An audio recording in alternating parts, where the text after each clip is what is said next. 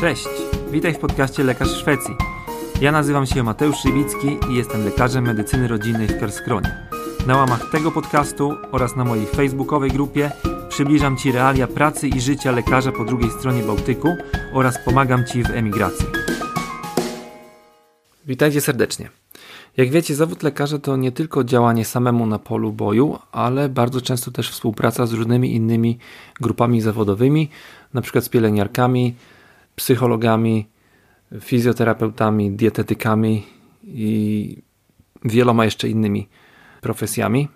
Dlatego też chciałbym przybliżyć Wam zakres kompetencji tych różnych grup zawodowych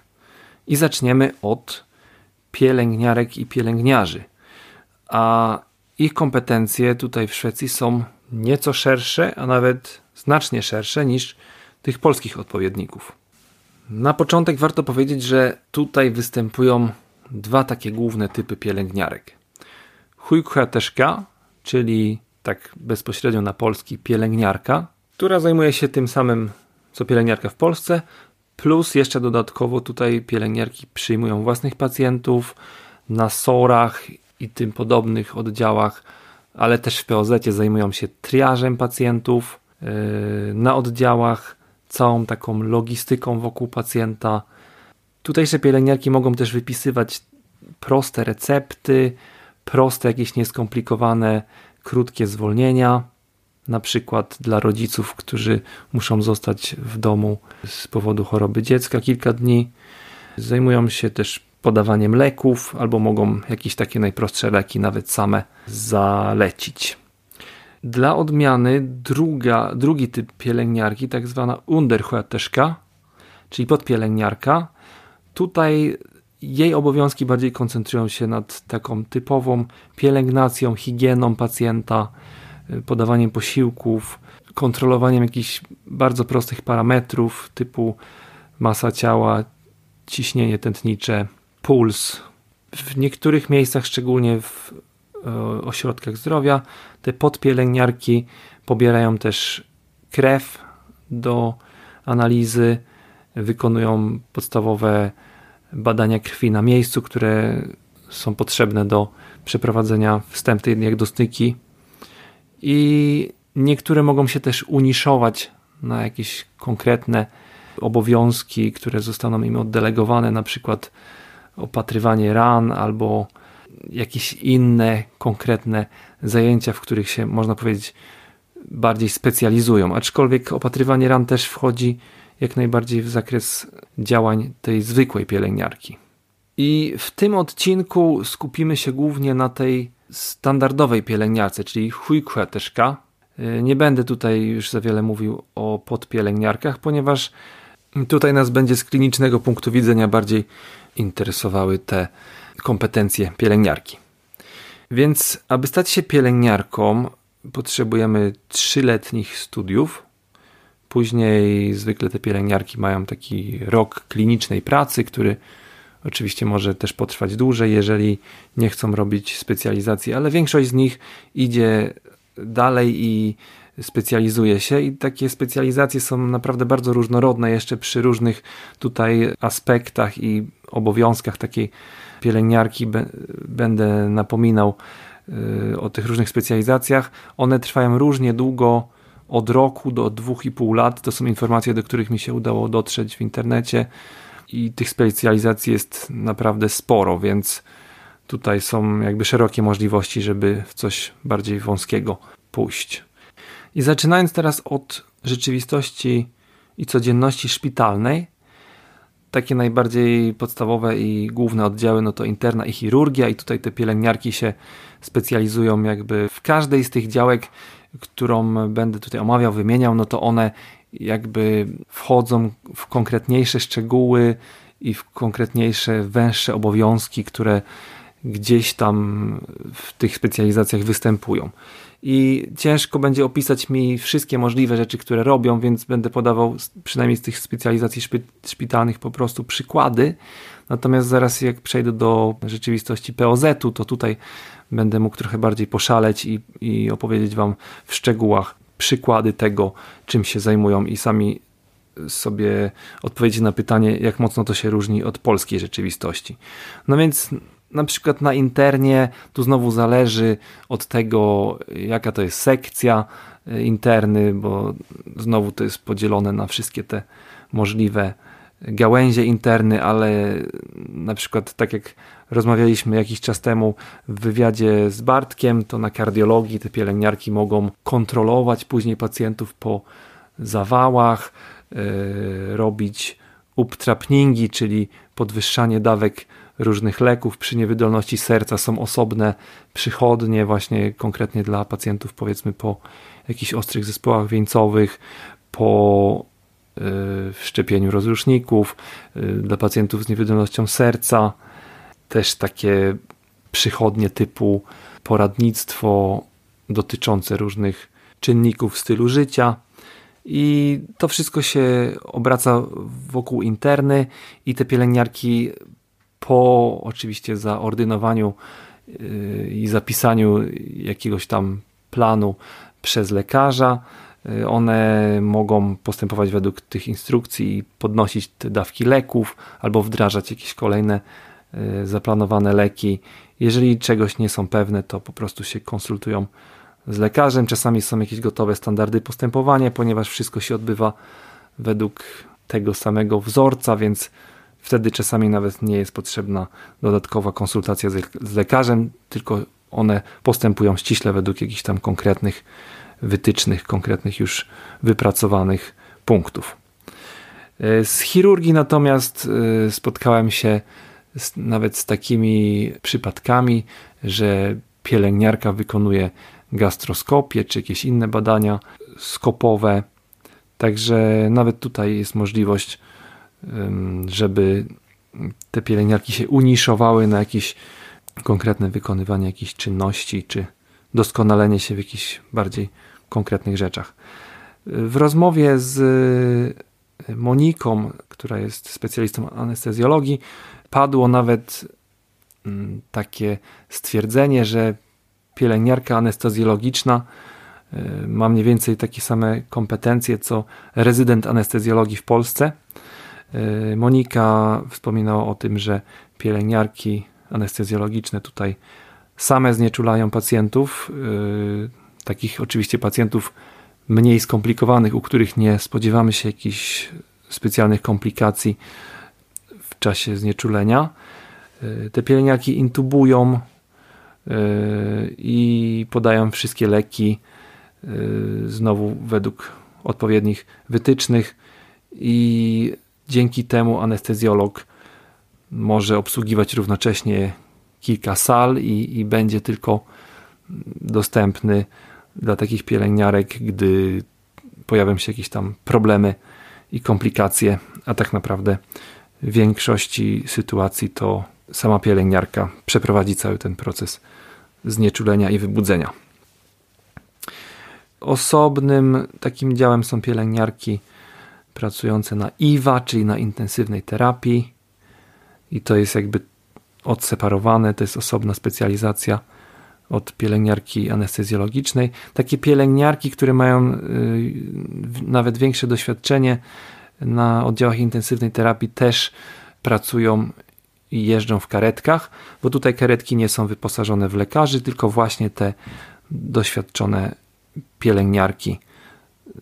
wykonują wszystkie te procedury związane z ratownictwem właśnie w karetce.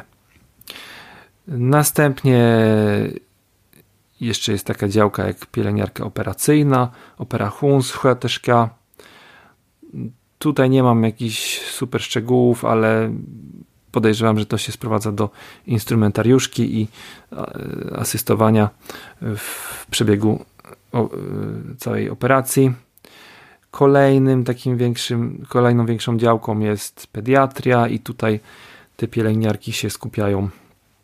też na jakichś różnych procedurach u dzieci. Wiem, że mm, jeżeli są zalecane jakieś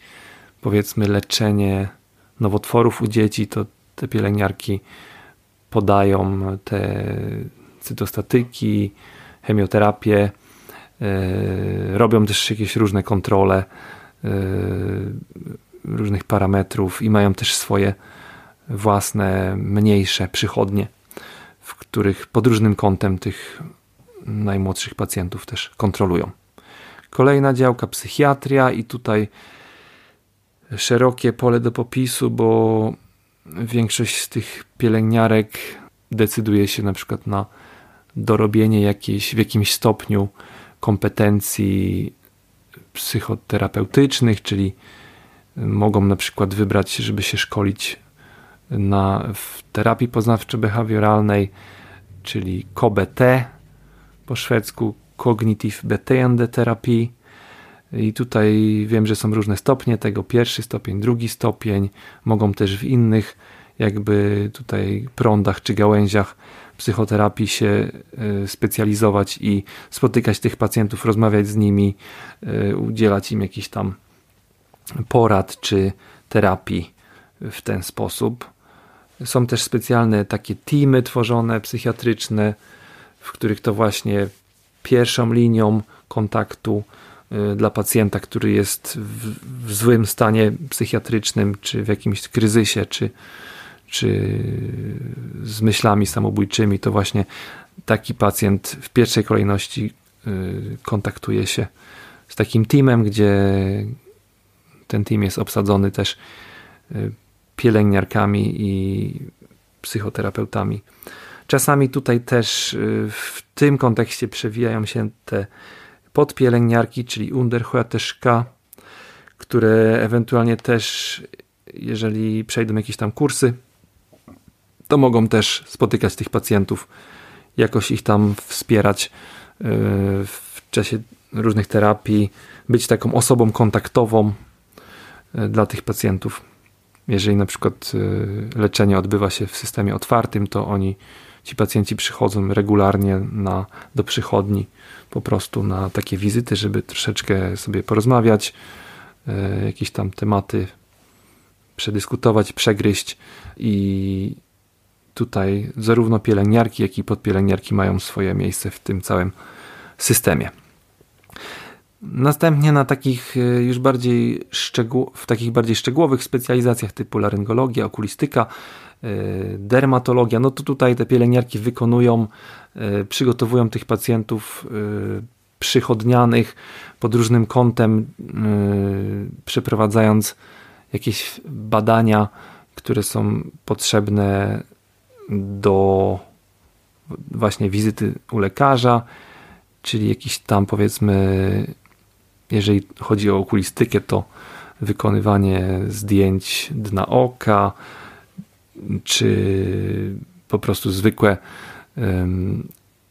zmierzenie ostrości wzroku, zakrapianie tymi wszystkimi kropelkami, żeby rozszerzyć źrenicę przed badaniem y, u lekarza.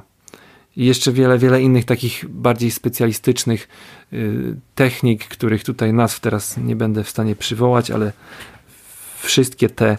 wszystkimi tymi specjalistycznymi rzeczami y, i badaniami zajmują się y, pielęgniarki. I one też mogą tych pacjentów jakby do siebie za, zabukować, zapisać na jakieś prostsze kontrole, coś, jakiś pomysł, jakiś plan, który lekarz wdroży, Następnie pacjent nie musi koniecznie spotkać następnym razem lekarza, tylko po prostu, jeżeli są jakieś konkretne wytyczne, konkretny pomysł, konkretny plan, to ten lekarz, to ten pacjent może być właśnie kontrolowany przez pielęgniarkę. Na dermatologii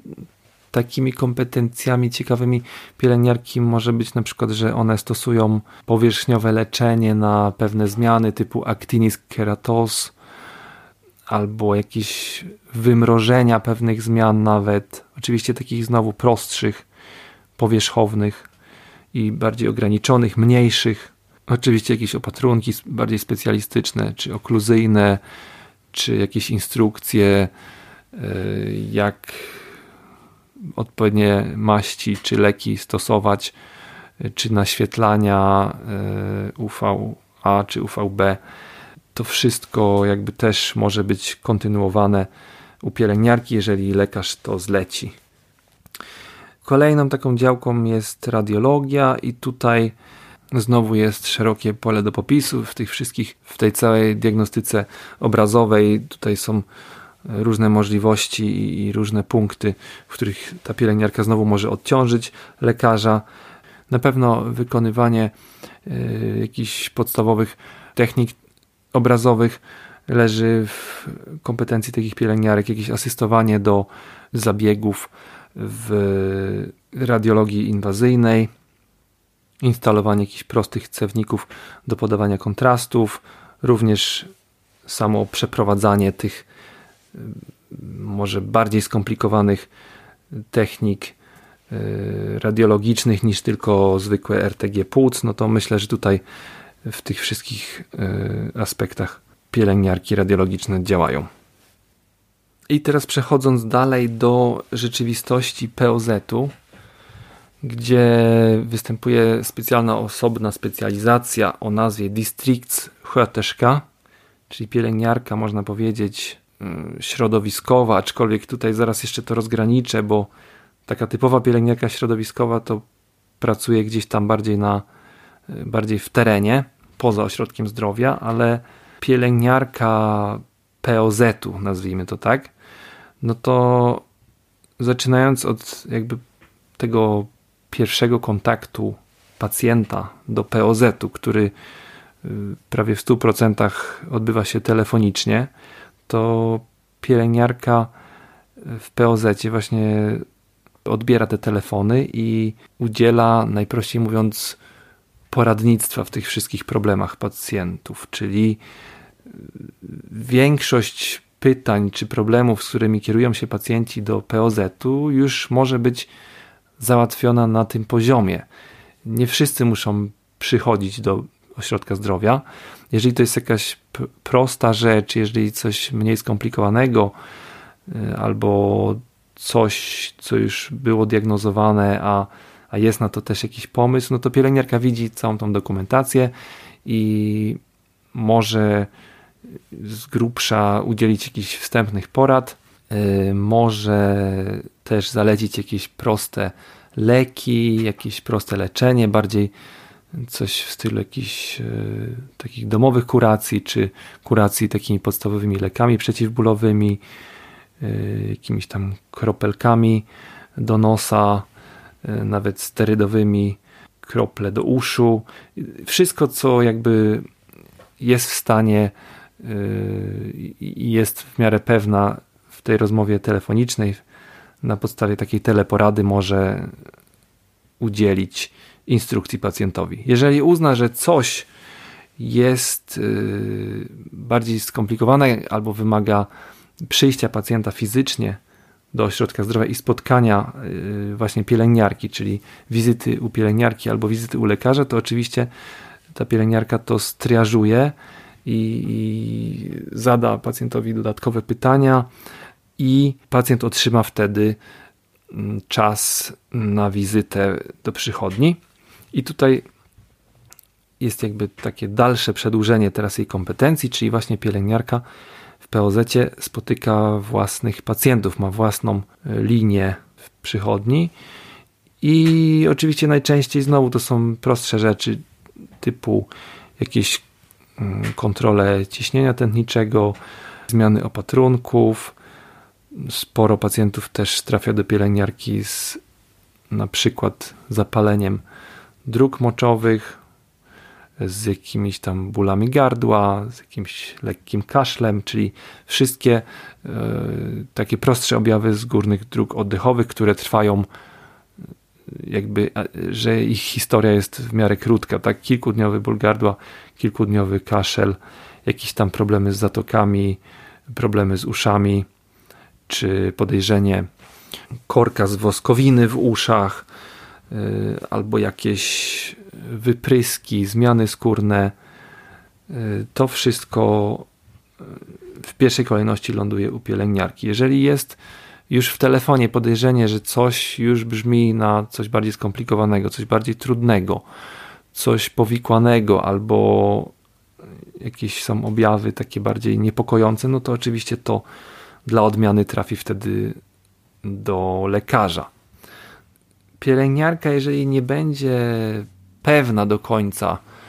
swojego jakiegoś tam toku myślenia, czy, czy podejrzenia, czy, czy jeżeli będzie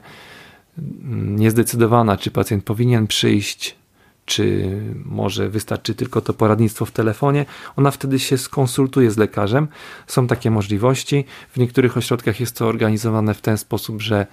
e, jeden lekarz przed południem i jeden po południu na przykład ma czas administracyjny albo ma jakoś tak bardzo rzadko bukowanych pacjentów i dzięki temu te pielęgniarki mogą bezpośrednio zapukać do takiego lekarza i skonsultować z nim, podyskutować e, i wspólnie ustalić, czy taki pacjent powinien przyjść, czy może można odczekać. Jeżeli tak, to z jakimi poradami, co ma robić, w jakiej sytuacji ma się ponownie odezwać. Wszystko to może, może taka pielęgniarka przedyskutować, jeżeli nie jest pewna i taką, takiej informacji pacjentowi udzielić. I takie konsultowanie z lekarzami przebiega na trzy różne sposoby. Ona może, jeżeli uzna, że musi porozmawiać tu i teraz, od razu, podjąć tą decyzję, no to może po prostu zapukać i y, podyskutować z tym lekarzem. Jeżeli to nie jest możliwe, albo jeżeli to może czekać, to czasami y, organizuje się to w ten sposób, że jest taki specjalny system typu Różnie to jest nazywane, czasami bewaknik, czasami messenger i można jakby w systemie e, wysyłać do siebie wiadomości między różnymi e, pracownikami e, i to jest podpięte pod konkretnego pacjenta, więc jakby otwierając tą wiadomość widzimy, że to dotyczy tego pacjenta, tam pielęgniarka może zapisać swoje pytanie, czy jakieś tam swoje przemyślenia, albo jakieś instrukcje, co należy zrobić, co, co potrzeba. Tą drogą też często są wysyłane na przykład zamówienia recept, no bo pacjenci też mogą przez telefon właśnie złożyć takie zapotrzebowanie na przedłużenie recepty. I trzeci sposób na skontaktowanie, skonsultowanie się pielęgniarki z lekarzem to jest po prostu pozostawienie karteczki w takim tak zwanym Signering Roomet, czyli pokoju, w którym y, są odpowiednie szufladki dla każdego lekarza, dla każdej pielęgniarki i tam można zostawić Y, jakąś informację, czy zapytanie, czy wiadomość, czy jakiś wynik badań, to wszystko spływa właśnie takimi drogami. Wszystkie te takie fizyczne karteczki i czasami pielęgniarka też może taką wiadomość zostawić tą drogą. I wtedy możemy albo odpisać i włożyć do szufladki osoby, która mm, pielęgniarki, która do nas napisała, albo po prostu pójść do takiej pielęgniarki i wtedy przedyskutować to te, tego danego pacjenta. Pielęgniarki w POZ e,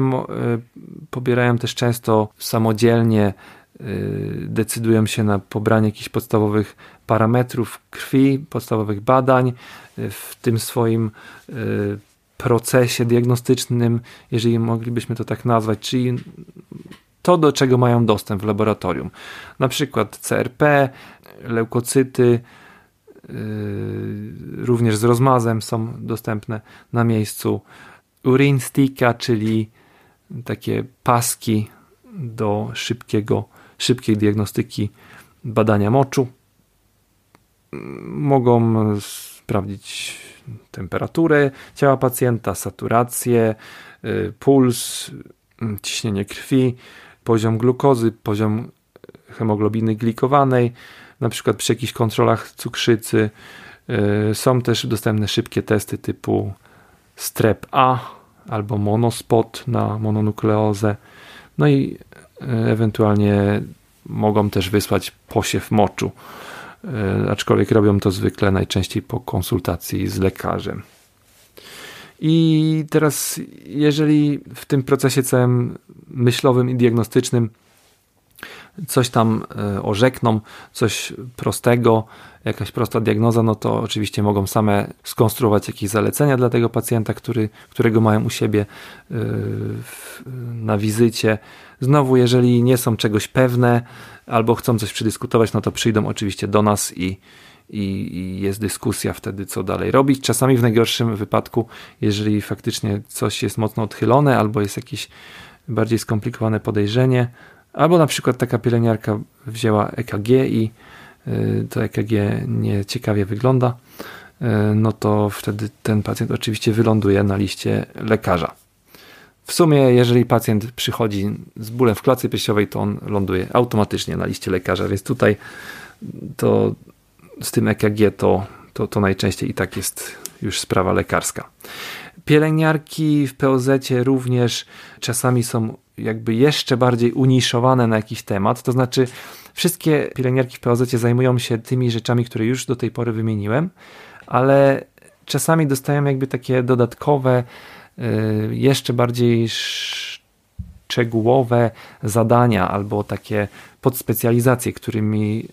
którymi to się zajmują na poziomie tego ośrodka, w którym pracują. I tutaj na przykład są pielęgniarki diabetologiczne, tak zwane diabetes chłeteszka, pielęgniarki, które się zajmują pacjentami z POHP i z astmą, czyli astma chłeteszka, pielęgniarki, które udzielają i koncentrują się na y, poradnictwie z, w temacie różnych czynników stylu życia, czyli alkohol, palenie papierosów, otyłość, dieta i ruch fizyczny. Y, I one się nazywają Lifestyles Chłeteszka. W niektórych ośrodkach zdrowia, w których na przykład y, jest starsza populacja, y, mianuje się też pielęgniarki, które się zajmują konkretnie osobami starszymi powyżej 75 roku życia i wtedy taka pielęgniarka nazywa się Eldrechłateszka. Niektóre ośrodki zdrowia mają też psychiatrichłateszka i do nich trafiają pacjenci y, w pierwszej kolejności z objawami i dolegliwościami psychiatrycznymi. One robią wtedy taki pierwszy wstępny bedemning, czyli ocenę stanu i wielokrotnie mogą jakby same już bardzo dużo pomóc, jeżeli nie ma jakiegoś tam zagrożenia yy, popełnienia samobójstwa, czy, czy jeżeli jakaś tam depresja, czy lęki nie są bardzo, bardzo nasilone, no to ta pielęgniarka, yy, w sumie o czym już wspominałem przy Y, okazji psychiatrii, to ta, znowu ta psychiatricha teszka, która pracuje tym razem w POZ, ona może nawet już od razu wystartować jakiegoś rodzaju terapię dla takiego pacjenta, na pewno go wesprzeć i, i ustalić jakieś tam kontrolę i, i możliwość, żeby ten pacjent mógł się z nią kontaktować i jakoś tam go dalej poprowadzić. Kolejnym takim, taką węższą specjalizacją już wewnątrz POZ-u jest BWC chłateszka, czyli pielęgniarka zajmująca się małymi dziećmi, czyli trochę ciężko mi znaleźć odpowiednik polski, ale powiedzmy pielęgniarka zajmująca się rozwojem dziecka, czyli taka, która prowadzi bilanse zdrowych dzieci, ma pieczę nad szczepieniami i dokonuje tych szczepień. I tutaj w Szwecji jest to dość rozbudowana działka, bo tych bilansów jest bardzo dużo w różnych punktach rozwoju dziecka od pierwszego tygodnia aż do pięciu lat, kiedy ten cały, cała dokumentacja zostaje później już po takiej finalnej wizycie przekazywana do szkoły i tam dalej nad tym już przejmuje kontrolę pielęgniarka szkolna, ale właśnie co ciekawe, te pielęgniarki y, rozwoju dziecka, one nawet robią wizyty domowe i to jest wpisane normalnie w kalendarz y, tych bilansów i, i któreś tam y, dwie czy trzy takie okazje właśnie odbywają się na zasadzie tego, że pielęgniarka przyjeżdża do domu zobaczyć dziecko w jego powiedzmy naturalnym środowisku jak, jak wygląda w domu, jak funkcjonują rodzice, jak, jak im idzie, i wtedy jest też okazja do zadania pytań, i każdy taki, e, każda taka sposobność e, na tych bilansach też jest opisana różnymi takimi checkpointami, co tam danego się robi, co się sprawdza e, ze względu właśnie pod, pod tym kątem rozwoju tego dziecka i są takie cztery punkty, y, cztery momenty bilansów, w których jest wspólna ocena teamu, czyli i pielęgniarki, takiej właśnie rozwojowej, i lekarza. I to jest y, pierwszy miesiąc, szósty miesiąc, y, dwunasty miesiąc i trzeci rok życia. I ostatni, jeszcze taka wisienka na torcie tutaj, którą udało mi się dopisać, to Jest też taka specjalizacja bardzo wąska, pielęgniarka medycyny pracy i niektóre ośrodki takie już bardzo, można powiedzieć, bardziej ekskluzywne ośrodki mają w swoim zapleczu takie usługi. I tutaj taka pielęgniarka się wtedy jakby całościowo zajmuje wszystkimi aspektami medycyny pracy, ma dostęp do wszystkich urządzeń, które, którymi jakby jest w stanie sprawdzić tą przydatność pacjenta do pracy i ewentualnie jakichś tam skutków narażenia na różne czynniki yy, w pracy. Więc to był cały taki blok pielęgniarek środowiskowych, ale pracujących na miejscu w POZ i jeszcze jeden rodzaj yy, pielęgniarek, również tutaj bardziej pasująca nazwa środowiskowych, to są te pielęgniarki, które gdzieś tam pracują na obiegu poza ośrodkiem zdrowia i tutaj one się dzielą znowu na dwa takie główne typy, czyli te, które yy, faktycznie się przemieszczają i, i, pracują w terenie, są mobilne i doglądają jakoś tam y, pod względem medycznym osoby starsze. To jest bardzo często one są podłączane do takich pacjentów po wypisie ze szpitala, gdy coś tam znowu trzeba kontrolować, y, czy jakoś się zmieniło leczenie i trzeba jakieś tam parametry sprawdzać. Również tutaj pacjenci hospicyjni, czyli Y, te pielęgniarki wtedy dojeżdżają do tych pacjentów i y, wszelkiego rodzaju opiekę serwują y, medyczną właśnie tym pacjentom. Nawet do takiego stopnia, że czasami są jakieś podłączane w środowisku domowym pompy z opioidami, więc tutaj też szerokie możliwości uśmierzania bólu i leczenia wszystkich tych objawów paliatywnych, można powiedzieć, u takich pacjentów właśnie przez te pielęgniarki środowiskowe pracujące w terenie. I drugim typem tych pielęgniarek środowiskowych są pielęgniarki, które znowu pracują poza POZ-em i są w terenie, ale nie są w terenie pod tym względem, że się przemieszczają, tylko y, stacjonarnie pracują i można powiedzieć zarządzają domami opieki osób starszych, albo domami opieki osób niepełnosprawnych. I wtedy na ich głowie jest też jakby odpowiedzialność, można powiedzieć, pod względem medycznym, żeby również jakiś tam doglądać parametrów, żeby jeżeli jest taka potrzeba, to zgłosić takiego pacjenta na obchód, który zwykle w takich domach opieki osób starszych odbywa się z lekarzem raz w tygodniu, a w takich domach, w których opieka jest nad osobami niepełnosprawnymi, no to to jest takie bardziej zamawianie lekarza jakby na żądanie. No i wtedy przychodzi lekarz z najbliższego ośrodka zdrowia, bo ośrodki zdrowia jakby mają pod swoimi skrzydłami te wszelkiego rodzaju instytucje, które gdzieś tam w ich rejonie występują. No ale taka pielęgniarka musi sobie jakby na, na tym własnym polu ze wszystkimi tymi pytaniami i problemami codziennymi, medycznymi poradzić u, u, swoich pacjentów i niejednokrotnie jest to tak, że y, takich pacjentów może być i 30, 30 i 40 y, i pielęgniarka ma y, jakby wszystkich ich pod swoją opieką, jest może być tak, że jest sama, może być tak, że są dwie pielęgniarki, ale mają naprawdę też bardzo szerokie kompetencje i dość sporą odpowiedzialność akurat w takich w tym kontekście. To tyle na temat pielęgniarek. Nawet całkiem długi odcinek wyszedł. Standardowo, jeżeli pojawią się Wam jakieś pytania, to zapraszam do komentowania i, i zadawania pytań w komentarzu na grupie czy na fanpage'u.